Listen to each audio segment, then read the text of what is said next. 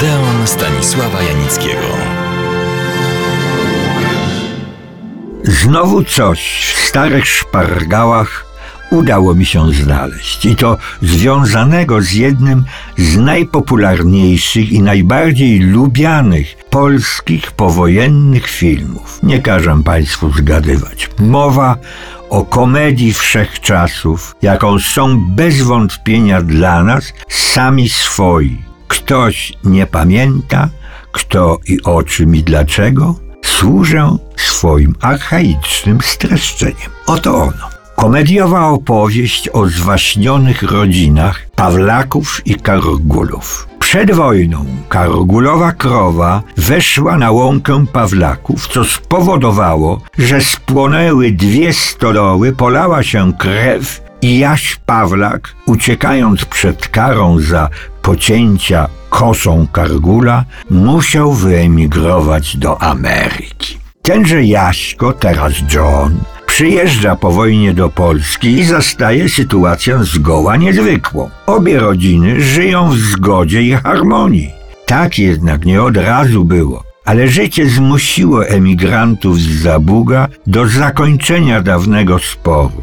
A miłość Wiki Pawlaka i Jaćki Kargulangi połączyła ich więzami rodzinnymi.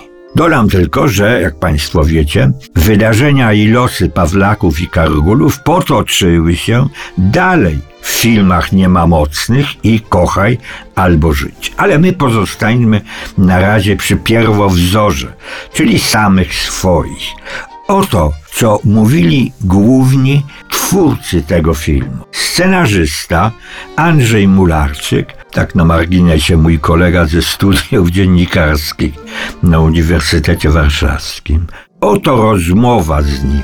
Jak na marginesie wszystkie cytowane rozmowy przeprowadziła Krystyna Garbień, moja koleżanka ze wspólnej pracy zawodowej w dawnym tygodniku Film. Scenarzysta Andrzej Mularczyk cytuje: Odpowiada na pytania dziennikarki. Rodowód jest mozaikowy. Złożyły się nań moje doświadczenia życiowe i zawodowe i pewne wydarzenia rodzinne. Mając lat 14, byłem szabrownikiem na ziemiach odzyskanych przez dwa tygodnie wraz z ojcem władaliśmy pewną wioską pod Zieloną Górą, a w lecie 1945 roku zetknąłem się z prototypem Kazimierza Pawlaka. Mój stryj Jaśko jadąc ostatnim transportem spod Trębowli, wybrał sobie wieś Tymowa na miejsce osiedlenia, bo w tej pustce dojrzał pasące się krowy swego sąsiada z Bryczówki. Ta scena jest w filmie i wiele cech mego stryja zawiera rola Kowalskiego Pawlaka. Wiele dni i nocy słuchałem opowieści Jaśka Mularczyka. Postać to barwna, chłop węźlasty, drapieżny, korzeniami wrosły w każdą ziemię, na której przyszło mu żyć. Wyemigrował do Argentyny. Był tam kowbojem, tramwajarzem i tak dalej. Żyjąc potem na ziemiach odzyskanych, był ich żywą historią. Kiedyś odwiedzając go z magnetofonem, zastałem u niego Amerykana, z którym płynęli kiedyś razem za ocean. Ta scena powrotu dała mi pomysł na ramy filmu. Wiele szczegółów zdobyłem w czasie swoich reporterskich wędrówek. A dialog, który zyskał takie uznanie? Po pierwsze, mam ten zaburzański zaśpiew jakby we krwi.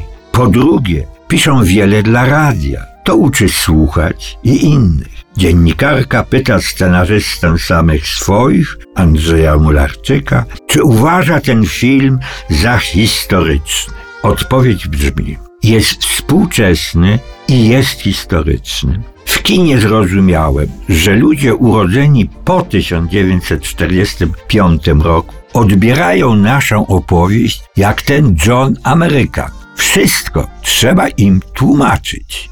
Żeby oddać nastrój tamtych dni, realizatorzy musieli sięgać do dokumentów, zdjęć, gazet. Szczególnie dotyczy to aktorów, tych młodych.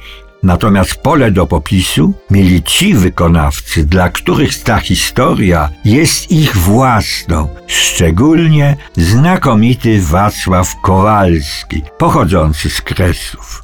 Przyznam się, że kiedy teraz rozmawiam z kimś o stryjku Jaśku, pojawia się najpierw twarz Kowalskiego Pawlaka. Tak mocno w mojej wyobraźni rola ta łączy się z kimś mi bliskim. Można chyba powiedzieć, że ten film był przygotowany właśnie dla niego, a on, że czekał na wszystkich ze swoim ciepłem i nieudawaną wis komika. A ja zapraszam Państwa do następnego Odeonu.